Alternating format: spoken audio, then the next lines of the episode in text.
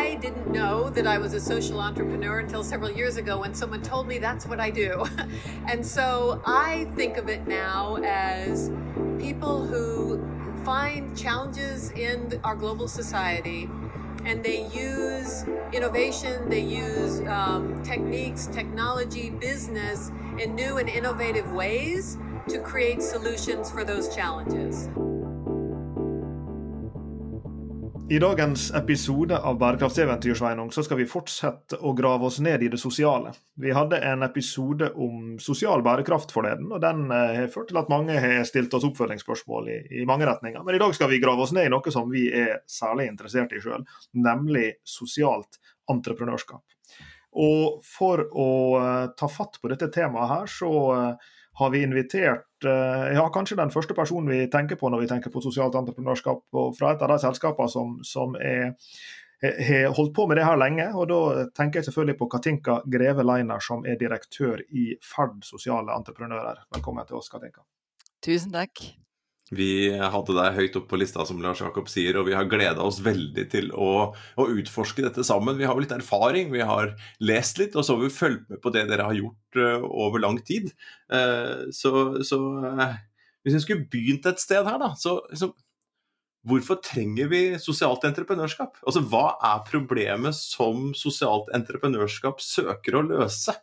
Det er vi spent på å høre, på, høre hva du tenker om første jeg tenker, er vel at eh, det er på en måte alt. Eh, fordi at du finner disse sosiale entreprenørene på veldig, veldig mange områder. Og jeg pleier å si at de dukker jo opp der hvor vi andre svikter. Dvs. det vil si at eh, der hvor samfunnet har et eller annet problem, så vil det også være et menneske som kjenner på det problemet. Og som tenker at sånn kan vi ikke ha det, og dette må jeg bli en del av løsningen på. Og i det øyeblikk du tar liksom, den, det bevisste valget, egentlig, da, med å ville bli en del av løsningen, så blir du også fort en sosialentreprenør. For da begynner du å jobbe med det. Eh, og så finner du deg en løsning, og så finner du ut av hvordan du kan klare å leve av å jobbe med den løsningen. Eh, og da er du på god vei til eh, nettopp å få et sosialt entreprenørskap. Ja, og da ligger jo det i det som du, som du beskriver her, at, at, at her er noen problem som er av, av av en eller annen sosial viktighet, da, eh, for å si det på den måten, samfunnsmessig viktighet, eh, som, som, er, som det ikke finnes gode løsninger på, av den ene eller andre grunnen. da, Fra, fra de systemene som en har, eller i alle fall ikke, ikke gode nok eh, løsninger. Og Så er det da en type entreprenørskap, det her. Men fordi at han heter sosialt entreprenørskap, så, så må han jo skille seg fra den, den større sånn sekkekategorien av i hermetegn kommersielt entreprenørskap. Så, så, hva er det ved, ved dette sosiale entreprenørskapet som, som, er annerledes enn entreprenørskap mer generelt? Det første er jo nettopp som du sier, da, at eh, de sosiale entreprenørene går jo løs på sånn, tunge sosiale problemer ofte. Ting som de føler er kjempeviktig å få en ny løsning på. Og vi har i hvert fall erfart at det er jo da som regel de områdene vi andre også kjenner på er vanskelig å løse. Og hvor eh, til og med et velferdssystem som vi har i Norge, ikke som har løsninger som er gode nok. Eh, og da er det det som driver de sosiale entreprenørene. Det er jo klare å lage den løsningen som blir god nok. Og så lager de ofte da et, en eller annen struktur rundt seg for å klare å leve av dette, som vi var inne på. Og i det så kan de velge en forretningsmessig løsning og det er jo ofte de entreprenørene, kanskje også dere i poden, snakker mye rundt. Sant?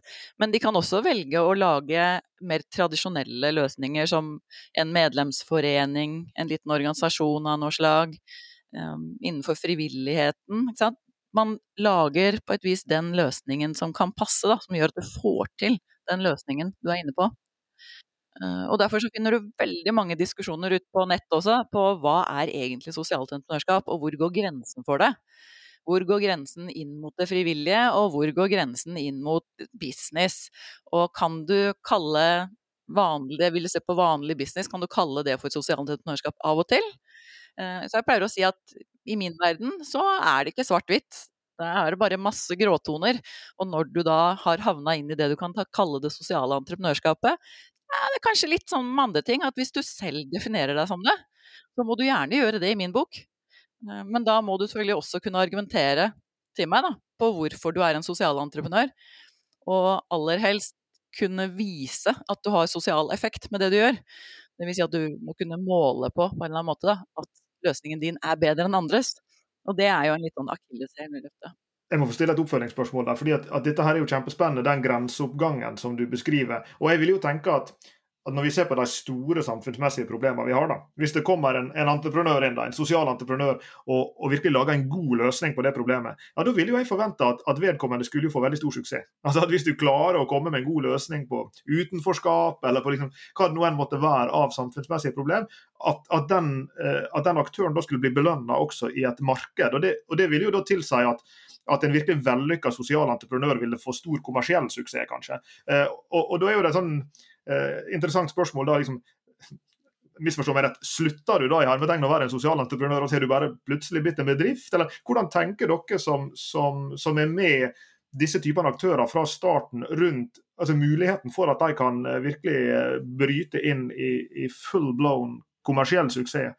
Og, eh, og, og, og hva, hva, har da jeg, vet ikke hva jeg, er en god måte å stille spørsmål på, men jeg tror du forstår hvor jeg er på vei er vi da over i noe annet, eller, eller, eller er det bare en, en, naturlig videreføring av det samme fenomenet? Det er jo et knallspørsmål, for da tar du liksom, å gå rett i kjernen eh, av mye av det vi har jobba med de siste 12-14 årene.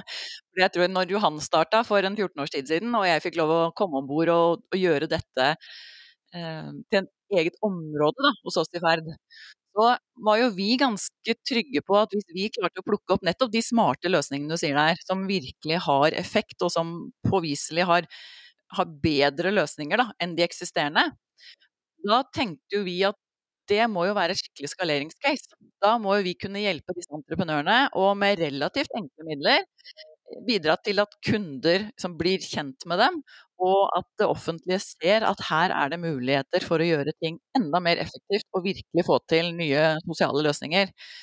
Og sånn har jo verden vist at så enkel er ikke denne verdenen.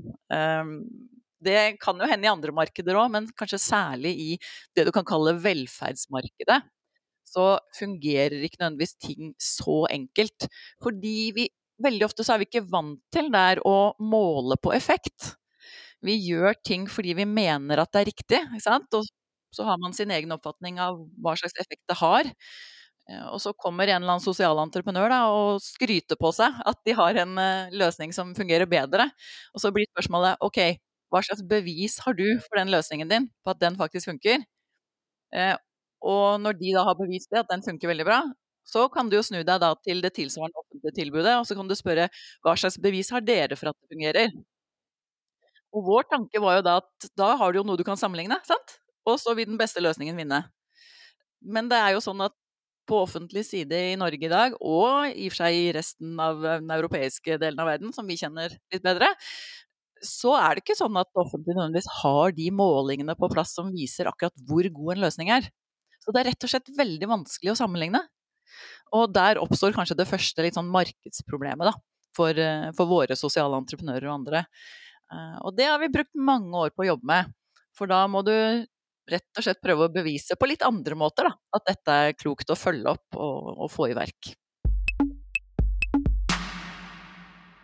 Vi har name-droppa en del her. Ferd. Eh, Johan ble nevnt. Vi.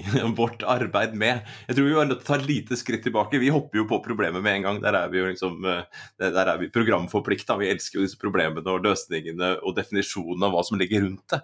Men, eh, men, men ferd og denne Johan, eh, og at dere jobbe med dette her, valgte å gjøre det, hvordan dere gjør det. Hvis du skulle tatt liksom, eh, hvis du skulle gitt liksom T-skjortevarianten med, litt sånn, med litt sånn liten skrift også, da, av, av, historien og uh, selskapet og personene Nei, bak. Vil jeg vel og, eh, si det at Johan H. Andresen han tok jo over en familiebedrift for ja, rundt 2000. Ja. Og er, han er femte generasjon Andresen, og så var spørsmålet hva skulle han gjøre med denne briten. Og så var han ute i verden og var på Davos blant annet i en del år på rad, og der traff han det han selv i ettertid kalte litt sånn gærne folk. Um, som hev seg over uh, store problemer uh, og faktisk kom opp med løsninger som funka. Og han har pleid å bruke gatefotballen som eksempel. Som han som fant måtte opp gatefotballen internasjonalt. Uh, Bill Brooks han møtte der Eh, som var en litt sprø fyr, men som altså har medført at vi i verden i dag har VM i fotball med gatelag, hvor folk er sånn tidligere rusmisbrukere, uteliggere og liksom litt folk som ikke har blitt sett da, vanligvis. Som man nå da verden rundt har lagd fotballag av, med harde treningstilbud og virkelig hard konkurranse på, på et VM. Eh, og det ble jo Johan veldig fascinert av. At et lite menneske kan være med på å endre noe så fundamentalt. Og så tenkte han at den type folk, de må jo finnes i Norge òg. Og dro da hjem og tenkte at her må jeg prøve å finne noen sånne i Norge. For da kunne kanskje jeg og Ferd, da, som selskap, sitte på noen liksom, menneskelige ressurser som kunne hjelpe noen sånne sprø mennesker som virkelig mener at de kan endre verden litt. Og det fascinerte han, da. Så da gjorde han det, og fant eh, to-tre forskjellige selskap. Den gang så eh, fant han noe som kalte seg Rehab-piloten. Og så fant han Forskerfabrikken. Um, og, og, begynte å jobbe med dem. Eh, ga dem penger først og fremst, da, og liksom hjalp til at de skulle få til det de var ute etter. Eh, og ble så fascinert av denne verdenen og dette sosiale entreprenørskapet at han da til slutt fant at ja, dette har jeg lyst til å drive med i ferd i selskapet, som en egen del. Og da fikk jeg lov til å komme inn der eh, og være ansvarlig for å bygge opp og etablere ferd sosiale entreprenører. Eh, og da var oppdraget vårt å finne gode sosiale entreprenører som hadde nettopp disse løsningene for å gå løs på sosiale utfordringer på nye måter. Å finne dem og investere både tid og penger i dem for å få løsningene til å vokse. Så det har vært en reise, virkelig. Jeg tror et av de første Fard-casene jeg hørte om, må ha vært Unicus, tror jeg. Som, eh, som er jo et IT-konsulentselskap, men som, som, har en veldig spesiell egenskap ved at de kun ansetter personer som har diagnosen Asperger. Eh, og, og, Vi har jo begynt nå å være litt eh, konkrete, så kanskje du forteller om et, om et par case, slik at lytterne våre også kan få en feeling av ja, hva slags type problem er det dere identifiserer der ute som dere syns er viktige nok til å løse til at dere går inn på, på dem, og, så fortelle noen om noen av disse aktørene og, og hva de gjør? Ja, og som du sier, Unicus er jo virkelig en av suksesscasene våre, vil jeg si. Eh, det var et av de første selskapene som vi investerte i. Og da de kom til oss, var det tre gutter eh, og Lars, eh, hvor Lars sa at du, jeg har sett denne geniale ideen fra Danmark, hvor man bruker folk som da har Asperger-diagnosen, til å drive IT-testing. For hvis du har Asperger, så kan du ha utfordringer på liksom, den sosiale siden. Men som regel så er du helt oppegående ellers. Men de sosiale utfordringene er nok til at de aller fleste blir stående utenfor jobbmarkedet. Så hvordan får du da til en jobb som de menneskene der faktisk eh, kan lykkes i? Og det var det da en danske, Torkel Sonne, som hadde funnet ut av fordi han hadde en sønn med Asperger. Og så tenker vi jaha, det hørtes jo genialt ut i for seg, og det funka tilsynelatende i Danmark. Um, og så var jo utfordringen da at Lars aldri hadde jobbet med noen med Asperger. Eh, og han hadde aldri jobbet med IT-testing. Så hvorfor i all verden skulle Lars lykkes med dette? Um, men vi tok den sjansen, og eh, har jo aldri angra på det. For i dag så har Unicus 80 eh, ansatte i Oslo, i Stavanger, i Stockholm, og de har starta opp og har vel nå bortimot fem stykker i Finland også.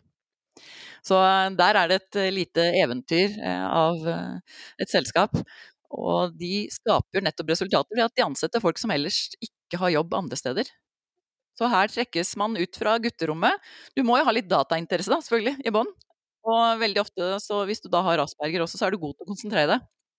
Så de er mye bedre enn oss mer sånn A4-personer til denne IT-testerjobben. De ser mønster ofte på en annen måte, og kan konsentrere seg bedre.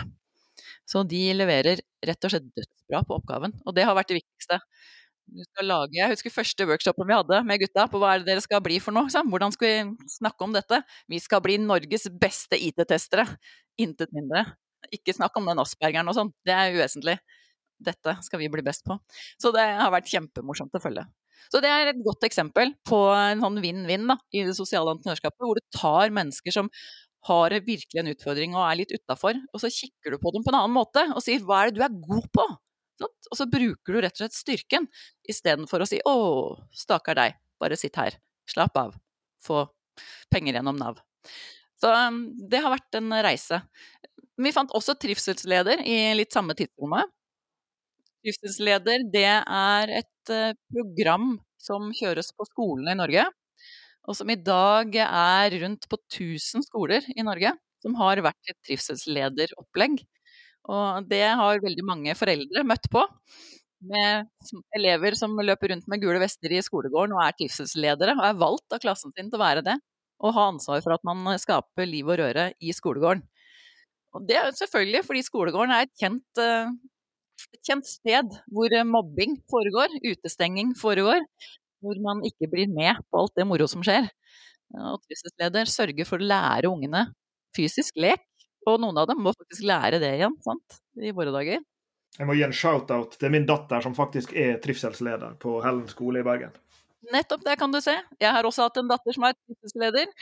Og det er jo veldig ærefullt å få lov til å gå ut litt før de andre av timen for å gjøre i stand og gjøre klar for lek. Og ha stort ansvar med å dra alle med. Da skal ingen gå aleine uten å bli tilbudt det å være med på lek. Eh, så én ting er inkluderingen i det, men også det Vi vet jo, jeg har lært mye de siste årene på hvor viktig det er læring at du er i fysisk aktivitet. Så mm, det er jo en helt egen pod rundt akkurat hvordan bør læring foregå. Eh, og, og, det er morsomt, for veldig mange av disse sosiale entreprenørene de kommer opp med sine, kall det smale løsninger på ting. Men veldig mange av dem, hvis du graver og spør hva de har lært og hva de egentlig er opptatt av, så har de en eller annen litt sånn systemendrende ønske i bunn. Sånn at trivselsleder med sine ting kan snakke lenge rundt hvor viktig det er med fysisk bevegelse for innlæring, og har jo videreutviklet dette til også å ha liksom, tjenester hvor lærerne kan gjøre timen sin da, med fysisk aktivitet. For da sitter ting bedre i hjernen vår. Eh, og Forskerfabrikken tilbyr naturfagskurs, sommerskoler, for å lære, men vil jo egentlig revolusjonere skolesystemet vårt i forhold til hvordan du lærer naturfag, hvordan du lærer matematikk, hvordan gjøre det som man sier i forskningsfronten av hjernelæring, er eh, det aller, aller mest effektive måten å gjøre det på. Så, og der har du den sosiale entreprenøren på et vis. De blir fryktelig engasjert på å være best på det de gjør. Og få til liksom, den løsningen på best mulig måte. Så det er først og fremst utrolig mye å lære av dem. De er flinke på det de gjør, eh, og de er veldig dedikerte. Og jeg er jo heldig overbevist om at det offentlige Norge og velferdssystemene våre, hvis de hadde klart å ta inn på en mer effektiv måte da, mye av den læringen, så hadde de hatt et virkelig laboratorium å boltre seg i av både læring og bra folk til eh, å forbedre sine tjenester.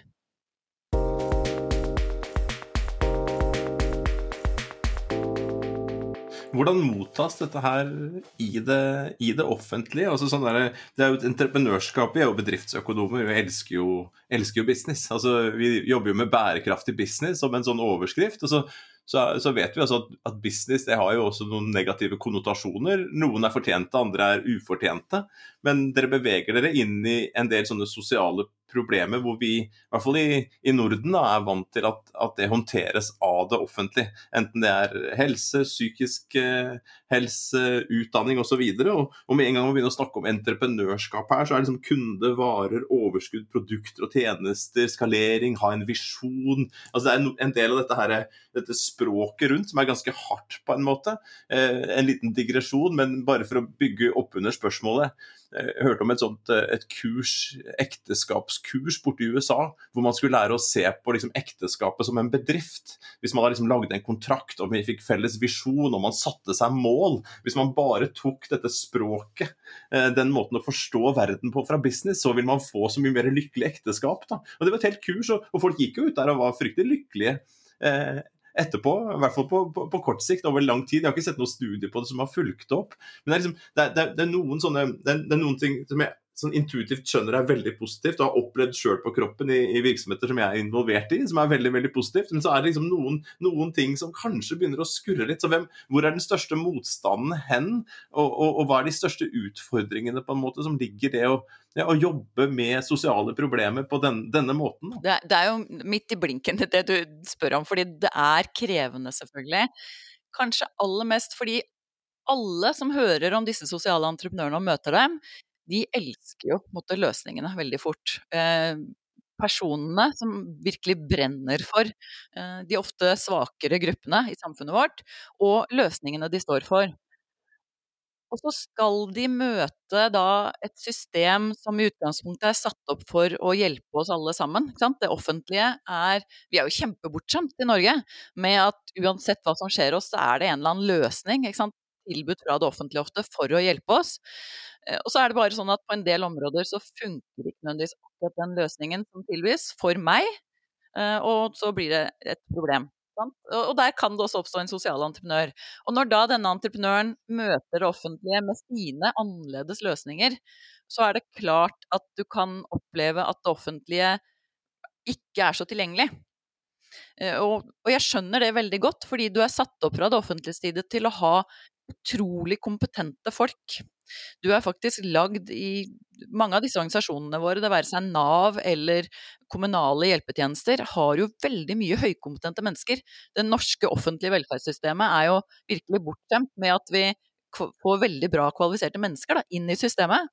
Så det sitter masse bra hjerner der og tenker løsninger, og tenker nye løsninger og forbedringer, og skal på en måte ligge i front. da.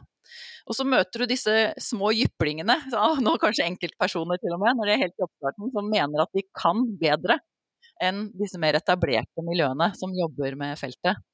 Eh, og da sier det seg selv at, at rent menneskelig så kan det være vanskelig å ta lytteposisjonen når du kommer fra den store, tunge organisasjonen som har jobba med disse problemene i årevis. Eh, og jeg har jo opplevd i møte med, med, dem også få nettopp det at ja, men dette er det vi som kan mest om. Eh, og på en måte er det riktig, for de har erfaring over årevis. Og har kanskje tusenvis av folk i stallen.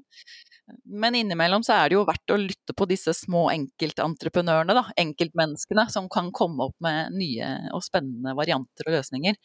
Så, så den finner du. Eh, og det at du da skal i tillegg kanskje være en entreprenør, dvs. Si at du tar penger for å komme med løsningen din, ehm, da blir det vanskelig innimellom i møte med det offentlige, som har fått streng beskjed om at de ikke skal være kommersielle. Eh, og f.eks. i skolen, hvor man ikke slipper inn noen som har et eh, AS-navn bak, med mindre de selger frukt og grønt, f.eks. Det er noen unntak her men ja. Så det offentlige er i utgangspunktet skeptiske til private leverandører. Det har vi målt på, eh, så det vet vi. Men eh, de er allikevel glad i sosiale entreprenører. Så, så, sånn sett så har vi jo det å spille på at vi, bare, vi må forklare og forklare da, disse løsningene, og få interesse for at, uh, at dette også er til fordel for egentlig alle. At de lyttes til. Nå skal jeg prøve å spille en lissepasning til deg. Katinka, fordi eh, det, som du, det, som du, beskriver her, er jo en veldig interessant sånn overordna organisatorisk eh, veivalg. da. Fordi at du, Akkurat som du mellom linjene inne, eller både mellom og på linjene er inne på, så kunne du sett for deg at eh, trivselsleder ble funda som et eh, prosjekt innenfor eh, Utdanningsdirektoratet eller Kunnskapsdepartementet, eller for den del rundt omkring i, i fylka. for den del. Ehm, og du kunne på samme måten sett for deg at noen av de Uh, uh, entreprenørene dere har som jobber med, med sosialt utenforskap, kunne fått gjennom Nav eller gjennom barnevernet eller andre typer sånn, kunne vært prosjektorganisert og prosjektfinansierte på et eller annet vis gjennom det offentlige. og Det ville gitt noen styrker og det ville gitt noen ulemper. Men jeg, jeg, kunne tenke meg å gå litt inn i, i, i styrkene som en modell av den typen dere har. Ehm, ehm, vil ha. fordi det, det, er ikke nødvendigvis uh, åpenbart for, for, for, alle. Altså, Dere er jo da en type aktør selvfølgelig med, med betydelige ressurser av, av ulik karakter, både finansielle, men, men også knytta til forretningsutvikling osv. Så, videre. så det, det, er jo noe ved den modellen som, som, dere og mange andre aktører opererer etter, som, som uh, jeg tror jeg kan snakke for Sveinung også, jeg sier at vi, vi, tror veldig på. Så kan du kan du eh, belyse litt disse altså Hva er det dere tilfører disse eh, entreprenørene? Hva er det ved en sånn type modell eh, som det her som gjør at han, at han, fungerer godt, og kanskje til og med fungerer bedre enn det det ville ha gjort å ha en sånn mer offentlig, finansiert eh, prosjektorganisering eller tilsvarende? Det vi har funnet ut, Vi starta ut med en tro på at når Ferd som et familieeid investeringsselskap, når vi investerer i vanlige selskap, så er det klart da er vi vant til å følge dem opp, som du sier, på riktig bedriftsøkonomisk måte, få dem til å vokse. For så at man nedi veien et eller annet sted eh, kan også selge dem, sant? når det er andre som er riktigere eiere. Så det er dynamikken i et selskap som vårt. Og da er vi ganske gode på det der å vurdere om et selskap har gode produkter, tjenester, kan de leve godt, kommer de til å vokse, er dette et godt case, da? Og det var jo den kompetansen vi tenkte mm, la oss se på dette med de sosiale entreprenørene. Kanskje har vi noe her som de trenger. Uh, fordi de skal prøve å overleve med nettopp ideen sin. Uh, og det tenker jeg, det har vi vist at jo, det vi har noe de trenger, og det er det forretningsmessige, kompetanse rundt det. For når du er en sosial entreprenør, som vi har vært inne på, så er jo det du brenner for, det er jo som regel den sosiale utfordringen som du tar tak i. Og veldig mange av dem kan ha veldig mye da, hjerte og hode inn i det. Og syns ikke nødvendigvis det er like artig med å sette opp et budsjett og, et, styre likviditeten sin og bli godt kjent med Excel-ark. ikke sant? Um, det hender jo at det blir litt tåke for øya når du begynner å snakke Excel og regneark. Um, og da å lære det, sånn at du er i stand til å håndtere bedriften din og overleve som gründer inn i et sånt marked, det har jo vist seg veldig, veldig viktig. Og der kan vi spille dem litt bedre og bidra. Eh, og det å bygge selskap, det vet dere jo, handler jo ofte om å gå fra å være én person med en god idé, til å bli flere personer.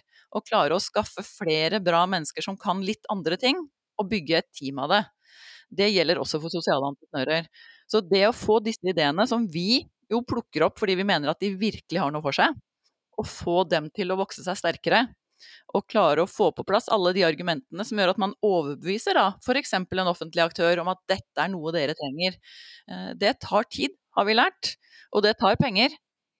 Ehm, fordi man tjener ikke nødvendigvis penger fra dag én, fordi det er et vanskelig marked også å komme inn i. Så du må liksom bevise at du har livets rett, på et vis. Så ja, vi har funnet ut at det å ha den forretningsmessige inngangen, det kan være fornuftig også i dette markedet. Men så er det altså helt klart mange tilfeller der ute hvor en sosial entreprenør etablerer seg på et område, og du ser at du hva, dette markedet kommer aldri til å fungere som et marked. Det er altfor lang vei frem. Og da må du jo endre strategi. Da må du si at hvis dette og denne løsningen virkelig skal bli stor, så må du faktisk inn i det offentlige. Da må du si at, du, dette må bare norske sykehjem ta inn som en del av sin tjenesteleveranse. Dette må bare inn i Kommune-Norge. Eh, eller dette må Nav fange opp selv og bare begynne å jobbe på denne måten. Og det er jo selvfølgelig en lang reise. Men det er jo sånn velferdsstaten har utvikla seg. Vi pleier å vise til eh, sanitetskvinnene som fant opp liksom, det første tilbudet til mor og barn. Som eh, fant ut at de var sårbare, de må vi bare hjelpe. Og så etablerte de med da private penger, som sanitetskvinnene satt på, eh, ordninger rundt mor og barn. Og det fungerte så bra at samfunnet etter en stund kom og sa vet du hva, dette ser vi er viktig, dette bør alle ha, dette tar vi over. Og sånn har jo nettopp velferdssamfunnet utviklet seg. Så at vi trøster jo innimellom de sosiale entreprenørene med at ok, om du ikke lykkes forretningsmessig, så kan det jo faktisk være at hvis du ser nøyere etter, så har ideen din blitt adoptert av det offentlige.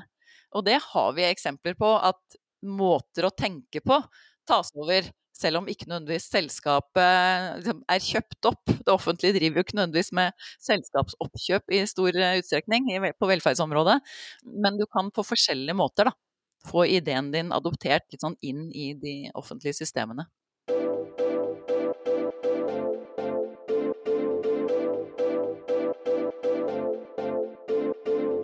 For Du snakket eh, litt om sosial effekt og effektmål. og Det siste året så hvis jeg forstår det rett, så har dere satt opp et, et annet type system enn dere har hatt før. og Dere har på en måte et system som har modnet seg over tid, som dere har ventet med, som handler litt om, om effekt.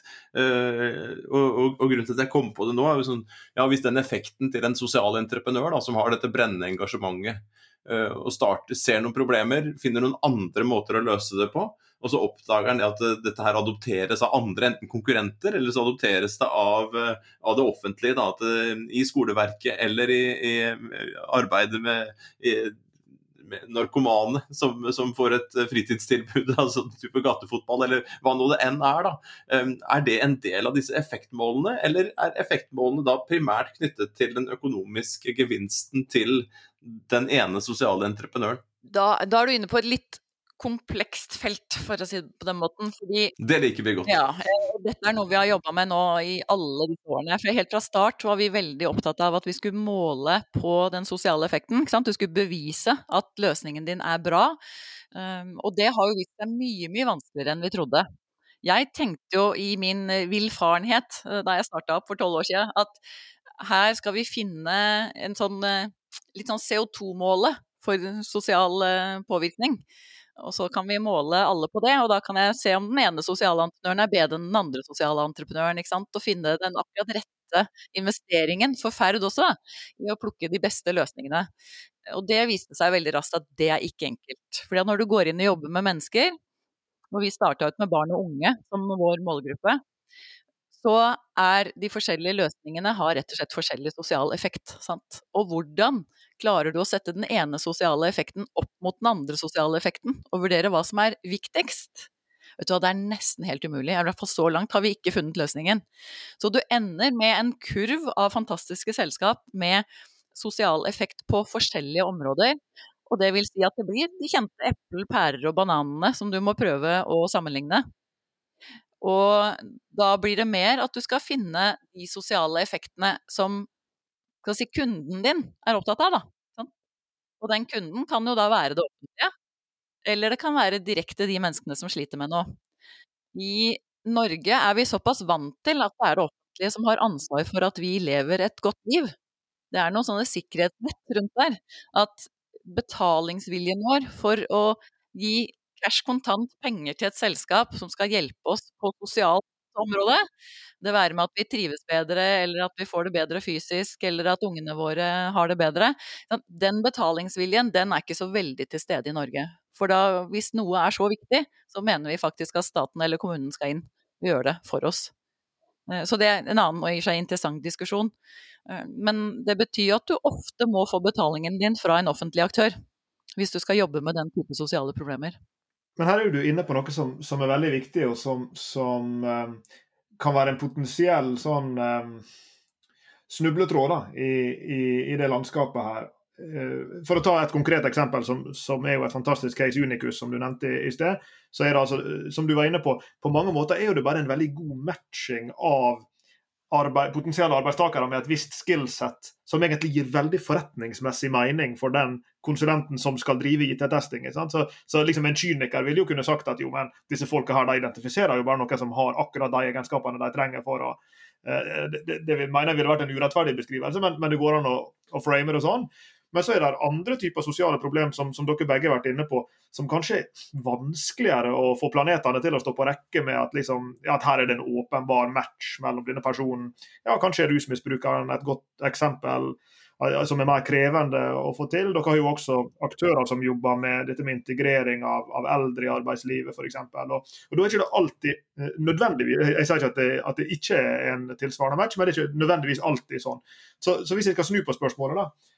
Eh, er her Er det en risiko for at det er på en måte problem som blir litt sånn underserved? Altså at de ikke blir adressert innenfor den modellen her fordi at de er for krevende, eller fordi, som du er inne på, at, at effekten er for vanskelig å måle, det er for vanskelig å sannsynliggjøre at en, at en lykkes. Altså som andre ord, Er det noen typer løsninger her som, som har lettere for å vinne fram, og noen som kanskje er mindre sannsynlig at vil vinne fram i en sånn sosial entreprenørskapsverden? Ja, det vil jeg si. Eh, og det første som slår meg, det er jo at det vi har lært av de sosiale entreprenørene i løpet av de årene her, det er jo at de aller fleste av dem jobber såkalt styrkebasert.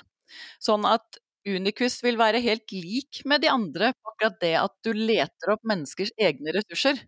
Og det gjør du også med gatefotballen, sant?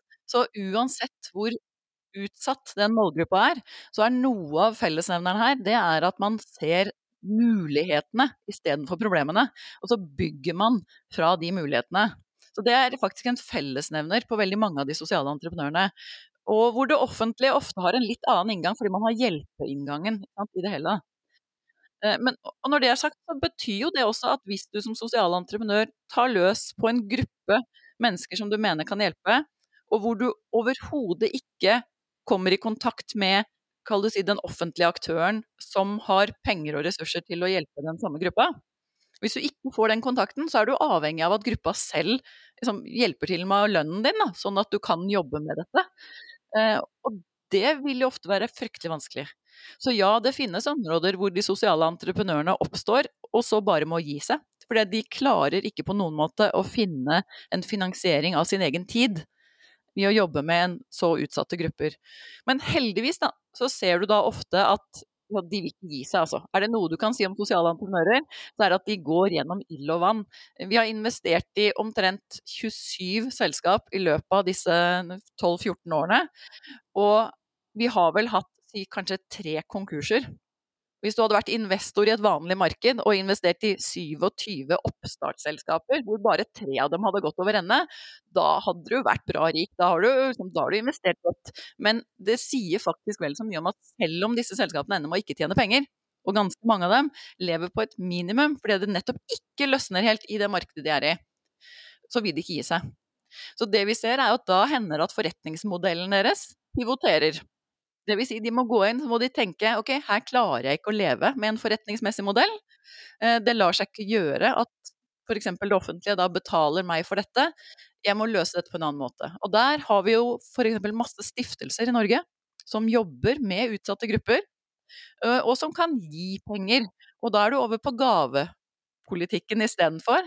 Hvilke gode tiltak vil alle disse med gode, snille lommebøker rundt omkring i landet faktisk støtte? Og der er det jo masse å ta av, heldigvis. Veldig mange gode hjelpere. Og mange flere enn jeg var klar over før jeg begynte på dette området. Så i Norge i dag så tror vi at den type grupper og disse behovene våre dekkes av det offentlige, og så er det altså hundrevis på hundrevis av millioner som pøses inn til sosial sektor i Norge fra helt private fond og stiftelser. Og gudskjelov for det. Vi ser jo mye spennende forskning her um, innenfor sånn bærekraftige forretningsmodeller og forretningsmodellinnovasjon sånn, sånn, generelt sett. Og Vi diskuterte nettopp sånne med, med en annen gjest, eh, Silja, her om, om sånne hybrider.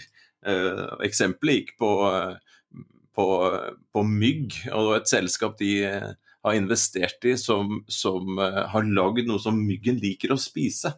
Uh, så, så, at de heller spiser det enn å spise på menneskene. Og, og det ene markedet de satset på da, det var knytta til malaria. Og Det er ikke nødvendigvis at du får disse fattige til å betale for det selv, men du får en tredjepart til å finansiere det. Det kan være Røde Kors, det kan være myndighetene i landet eller, eller filantroper eller, eller, andre. Men så hadde de da en, en, hybridmodell hvor de også da så på en måte fiskere oppe i lakseelver eller, eller, eller, andre steder da, i, i, verden hvor man er plaget av mygg, hvor man kan spraye på disse tingene, og så spiser myggen det. Uh, type ting, framfor det andre. Så Det er jo ett eksempel på sånn annen type forretningsmodell. Og, og, i en sånn kommersiell verden, som hvis du tar vekk bærekraft og bare sier forretningsmodell, så er jo det det er jo ofte det man er avhengig av, at man lager smarte løsninger som gjør at tredjeparter betaler, sånn at tjenesten er gratis. Uh, Facebook eller Google eller hva nå det enn er. Vi, det, det, er jo noen som får en økonomisk verdi av det, selv om, selv om, produktet sånn som vi bruker det er gratis. I deres diskusjoner med disse sosiale entreprenørene, når dere kommer inn med bidragene, og kompetansen fra, fra næringslivet, eh, diskuterer dere da bruker dere mye tid på disse alternative forretningsmodellene. Her nevnte jeg hybrid som en. En annen kunne vært en sånn tredjepartsfinansiering. som Det kan jo være staten, det. Eller, eller reklame. Se på, se på, sporten i løpet av helga, liksom. Disse skiutøverne. Det er jo nesten ikke en flekk igjen på drakta. Det er jo reklame overalt. Så det er veldig, veldig mange som er avhengig av å finne smarte løsninger ad omveier. da. Eh, er dette her en del av deres diskusjoner, og har dere noen sånne gode eksempler på noe som har, har funka, og som kanskje har vært litt overraskende? Ja, dette, ja, det her er du helt i kjernen. For det vi har opplevd fra start Vi har jo hatt rundt 200 henvendelser i året faktisk fra sosiale entreprenører siden vi starta opp. Så har det ligget omtrent der. Og det sier seg selv at uh, de aller fleste av disse de har kjempegode løsninger. Altså ideer for hvordan du kan gjøre noe bedre i det norske samfunnet. Men det å ha en idé om hvordan du kan finansiere det, det er det langt færre som har. Så at den diskusjonen er kjernen av de første samtalene med enhver sosialentreprenør. Det er OK, jeg ser løsningen din, det høres kjempebra ut, men den er f.eks. kjempemye dyrere enn det du i dag har fra det offentlige. kan være en løsning. Hvordan skal du i så fall få noen til å ville betale for en så dyr løsning? Hvem skal det være? Eh, og da havner du veldig fort på hybriddiskusjonene. Så du kan si at ok, kanskje det offentlige kan betale så mye av den, da, og så kan noen andre betale mer fordi at man sant, får mer. Eh, sånne typer diskusjoner. Ja, vil det funke da? Um, så, så, ja, det er den første diskusjonen du veldig ofte havner ned på. Det er hvordan klarer du faktisk å finansiere tiden din i leveransen av dette fantastiske produktet eller denne løsningen, denne tjenesten. Eh, og myggeeksempelet ditt er jo superinteressant også, fordi at når du går løs på malaria, og når du finner en ny løsning for det, ja da vil jeg si da havner du fort i sosialt entreprenørskapskategorien. Og så finner du den klassiske betalingsløsningen for en sosial entreprenør, som er at noen andre enn de som har problemet, må betale eh, for å få gjennomført løsningen. Eh, og så, da, så kobler du på det andre beinet, som nettopp er ja, men kan jeg også levere dette til noen som kan betale selv. Og fiskerne i Finnmark ville vi kanskje ikke ha så stor medfølelse med at vi var villige til å bruke offentlige kroner sant? på en behagelig fisketur. Så, så, der ser du forskjellen, og flere av våre entreprenører havner i de samme diskusjonene, hvor du kan se løsninger som kan brukes av folk med helt vanlig betalingsevne og vilje, men hvor det løsningen kanskje er aller viktigst for de som ikke klarer å betale for den. Og da er jo det offentlige til stede igjen i de diskusjonene. Er dette så viktig? Er dette et så vesentlig problem for det offentlige og for det norske samfunn at det offentlige er villig til å være på denne banen? Eh, vi ser at det er lettere å skalere en løsning hvis den har et privat betalingsmarked. Det er ikke noe tvil. Um, og det er jo litt av utfordringen. Jeg syns innovasjon i det offentlige i det hele tatt er et kjempespennende tema. Hvordan får du denne type ideer, da, på hvor du har nyskapt noen løsninger, til å blomstre i nettopp et offentlig tilbud? Eh, når du har så omfattende offentlig velferdssektor som vi har i Norge. Det er jo en helt egen podkast, tenker jeg, å liksom virkelig se på hva slags forretningsmodeller bruker man i det offentlige, da. Det er jo noen antydninger til det der òg. Når vi har en så eh, utvikla offentlig sektor som vi har i Norge, så har du, og det her er jo en, jeg vil benytte den som en liten uh, mulighet til et, til et girskifte.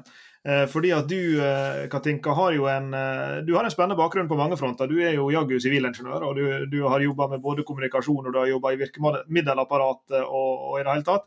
Men du har også bakgrunn fra politikken inn, mot Stortinget. Og, og, jeg skal ikke gjøre dette til en samtale om politikk, det er ikke poenget. Men vi introduserte nettopp dette med Og vi har jo snakka om offentlig sektor hele veien, egentlig, fordi som du sa, offentlig sektor må spille en så viktig rolle her.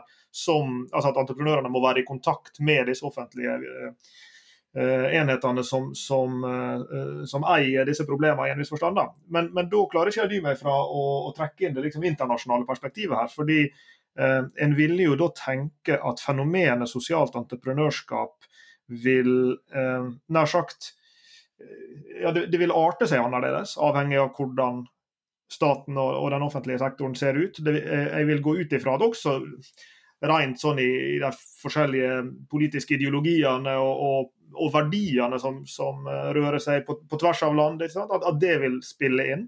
Eh, så, så kan du, Nå forventer jeg at du har full kontroll over hele det globale landskapet av, av sosialt, sosialt, entreprenørskap, men kan du si litt om, om, det her, hva vi vet om hvordan dette arter seg i ulike land, og, og hvordan eh, det vil arte seg i land som har offentlige sektorer som, som ser annerledes ut enn vår?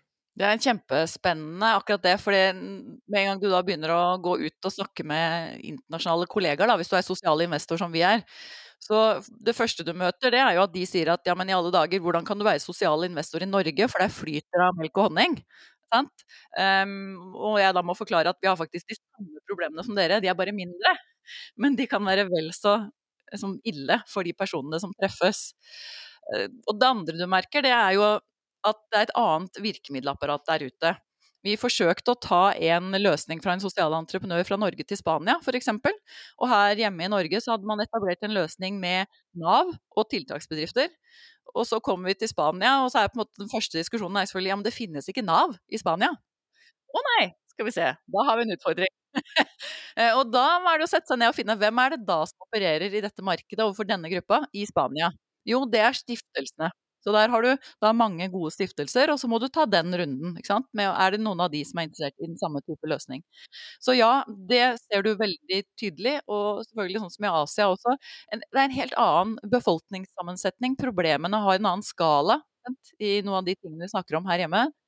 Men det er veldig ofte at de samme løsningene allikevel kan flyttes imellom. Fascinerende nok så er det veldig ofte sånn at de sosiale investorene liker å se litt bortenfor seg selv. Så jeg har jo f.eks. funnet og møtt sosiale investorer fra India som investerer i Afrika, uh, istedenfor å ta de samme problemene på hjemmebane. Sant? Det er litt lettere å se dem i andre land innimellom. Uh, så, så, dette er en uh, stor og sammensatt verden, men logikken er i bunn og grunn den samme. Det er enkeltmennesker som får kjenne på et eller annet problem, om det er de selv eller andre de bryr seg om som treffes, og som ser at dette kan løses mer effektivt eller på en annen og bedre måte, og så begynner de å jobbe det derfra. Hvordan får jeg det til? Og sitter du da i India, så blir løsningen din veldig annerledes enn om du sitter i Norge. Så, så, det er liksom det enkle i dette. Og derfor har du en forening som Ashoka, som har et verdenomspennende nettverk av sosiale entreprenører. Eh, som ender med forskjellige forretningsmodeller, avhengig av hvilket land du starter i, og hvordan du utvikler eh, aktiviteten din. Vi var inne på i sted Katinka, det her med, med mulige ja, Jeg bruker det dårlige engelske ordet igjen. Underserved. Altså ubetjente problem. Altså uløste problem. Og, og, Det er jo litt sånn fristende å be de som, som har sittet i, i, det feltet her og jobba så lenge og sett så mange aktører. Du sa at dere ble kontakta av 200 i året. Så du ser jo også veldig mange av altså både av løsningene som, som, er der og kanskje er gode, men kanskje ikke helt når opp. Eh, og gjennom å kikke på alle disse forslagene til løsning, så går jeg ut ifra at du også har en usedvanlig god oversikt over, over problemer der ute som, som folk identifiserer som viktige å løse. Eh, og så jeg kunne tenke deg å, å be deg kikke i kikke i spåkula eller kikke framover. Hva er det som, som um, hva er det sosialt entreprenørskap må, må Eller de sosiale entreprenørene må, må uh, gripe i uh, i morgen og neste uke og neste måned. Hva er de store uløste problemene her, hvor du tror at sosialt entreprenørskap kunne gjort en jobb?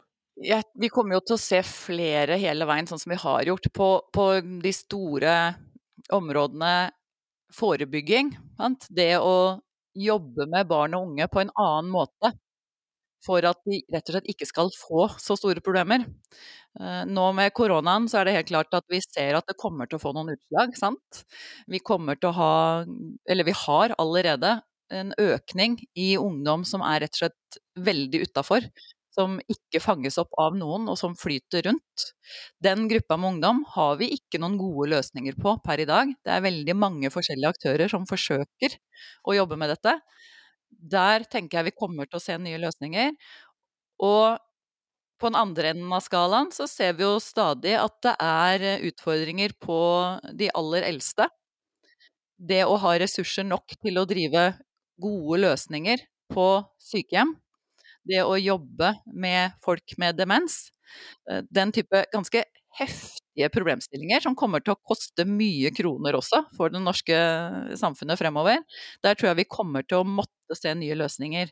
Og én ting er at det kommer til å dukke opp sosiale entreprenører med løsninger, men jeg tror nok også det offentlige kommer til å måtte omstille seg. Vi ser at det skjer, eh, og de kommer til å måtte forholde seg til innovasjon på en ny måte i det offentlige blir også en, liksom det jeg ser inni den spåkula. Eh, fordi problemene våre blir såpass store. Norge har hatt masse penger å rutte med i de tiårene som har gått. Det kommer til å bli litt trangere i den eh, pengekassa. Og da må man også tenke nytt. Så det å klare å koble den innovasjonsgraden som det offentlige må ha i de neste tiårene, eh, med disse sosiale entreprenørene, og entreprenører i det offentlige, for å si det sånn. Eh, det tenker jeg blir noe av det som blir kjempespennende å følge med på. Vi ser at det beveger seg. Vi har henvendelser fra norske kommuner som virkelig ønsker å gjøre ting på andre måter, og som sliter i dagens system med å få til å jobbe annerledes, og som faktisk da trenger eksternfinansiering for å klare å snu på vante mønstre.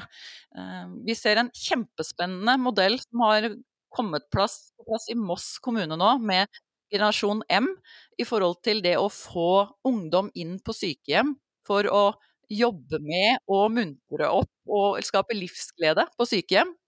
Eh, de har slitt veldig nettopp med forretningsmodellen. Hvordan får du sykehjem til å kunne klare å betale for den type ting? Og nå ser vi en spennende løsning i kommunen der, hvor du også får inn en stiftelse som kan hjelpe kommunen til å betale for nettopp den endringen med å klare å omstille budsjettene til å kjøpe denne type løsninger. Eh, og det er det vi kaller effektkontrakter foreløpig, som har landet eh, i Moss og vi regner med kommer til å lande i noen av de omkringliggende kommunene også. Hvor du ser en ny mulighet da, for offentlige aktører til å teste ut spennende nye ting med penger fra noen som er villig til å ta risiko på en annen måte enn man vil i det offentlige. Fordi det jeg har jo sittet i det offentlige selv og kjent på at det der med å ta risiko og prøve ut prosjekter med offentlige penger, du er ganske redd for å havne på forsiden av en eller annen stor avis altså, med å ha sløst bort noe penger. For det skal man ikke. Så det å kunne kombinere flere aktører som alle ønsker nye løsninger, det tenker jeg er noe av det vi kommer til å se, og som det er vilje til fra liksom alle parter. Da. Inn i denne glasskula, Lars Jakob tok oss med ut i verden og spurte liksom, ok, hvordan, hvordan står det til i verden her? Og så, og så spurte han om glasskula og, og veien videre. Eh, ferd har vi vært innom eh, flere ganger her. Jeg leste en liten artikkel på dnb.no i helga, som hadde laget et videointervju med, med, Johan. og Så var det en uh, liten oppsummering av det. og Der syns jeg, synes jeg leste at i 1998 så solgte de tobakksporteføljen sin uh, og måtte gå en, en, ny vei. ikke sant? Og så ble Ferd etter hvert. Du, du ble vel ansatt for en ca tolv års tid siden, og vi har hørt litt om denne reisen underveis, utfordringer, hva dere har funnet ut av, og, og, og vokst.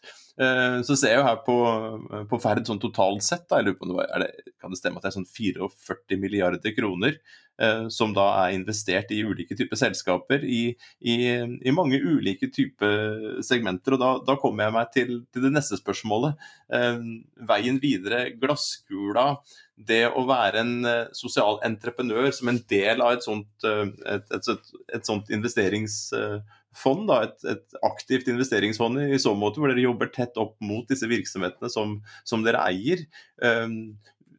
Har du sett, uh, og tror du du vil se mer av, at de andre selskapene i porteføljen også i større grad tenker eh, på denne sosiale dimensjonen. Da blir du ikke nødvendigvis entreprenører om du, om du driver i Swix eller om du driver i eiendom eller et investeringsselskap. Da er du ikke en entreprenør, men sånn, kall det sosialt intraprenørskap. Da, sånn inni disse virksomhetene. Har dere, har dere sett noe, og tror du du vil se mer av det framover? Ja, jeg har over lengre tid vært overbevist om at dette er en trend som ikke er bare, bare egnet for entreprenører. Jeg tror jo virkelig at det å tenke den sosiale effekten er noe som kan passe alle selskap. Og bærekraftsmålene nå har kommet og er virkelig til en solid hjelp for å dra verden litt i den retning.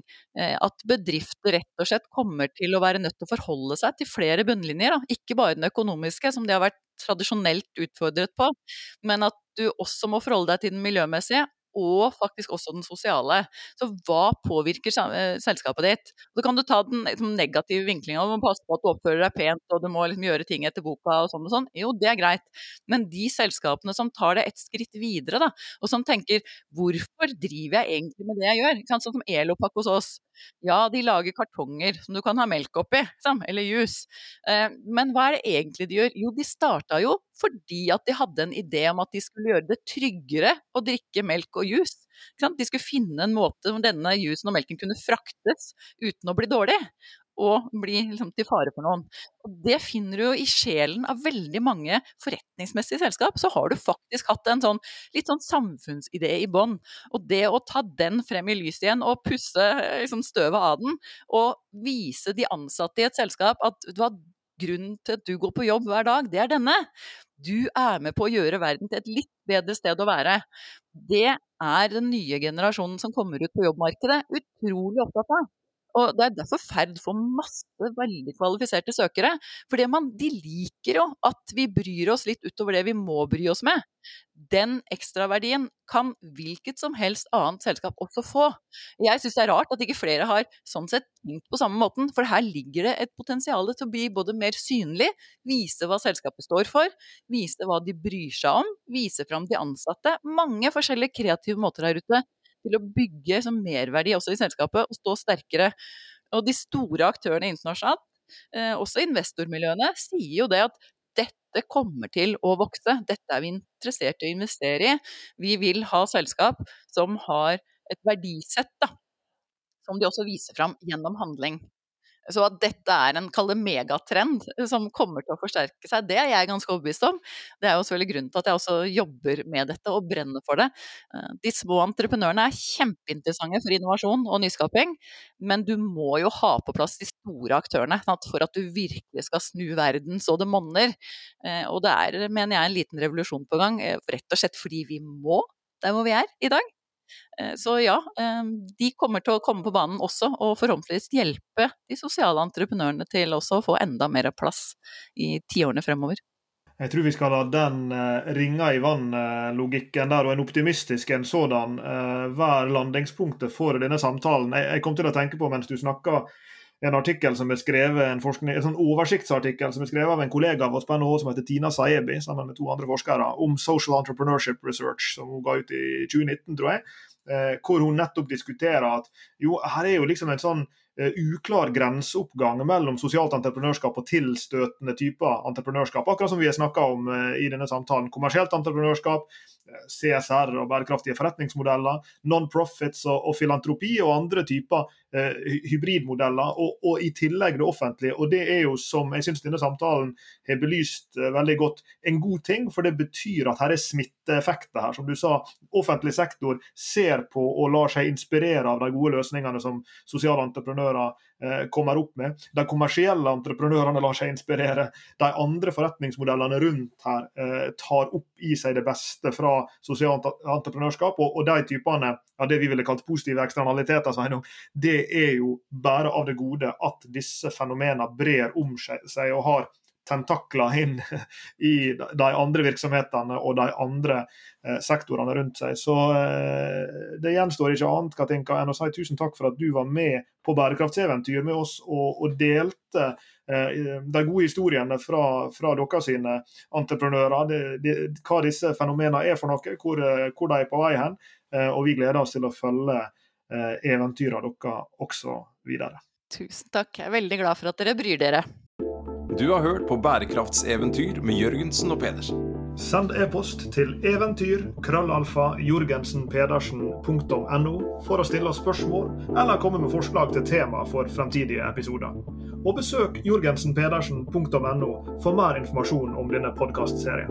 Derfra kan du også fortsette samtalen med oss i sosiale medier på Twitter, Facebook, LinkedIn, YouTube og andre steder.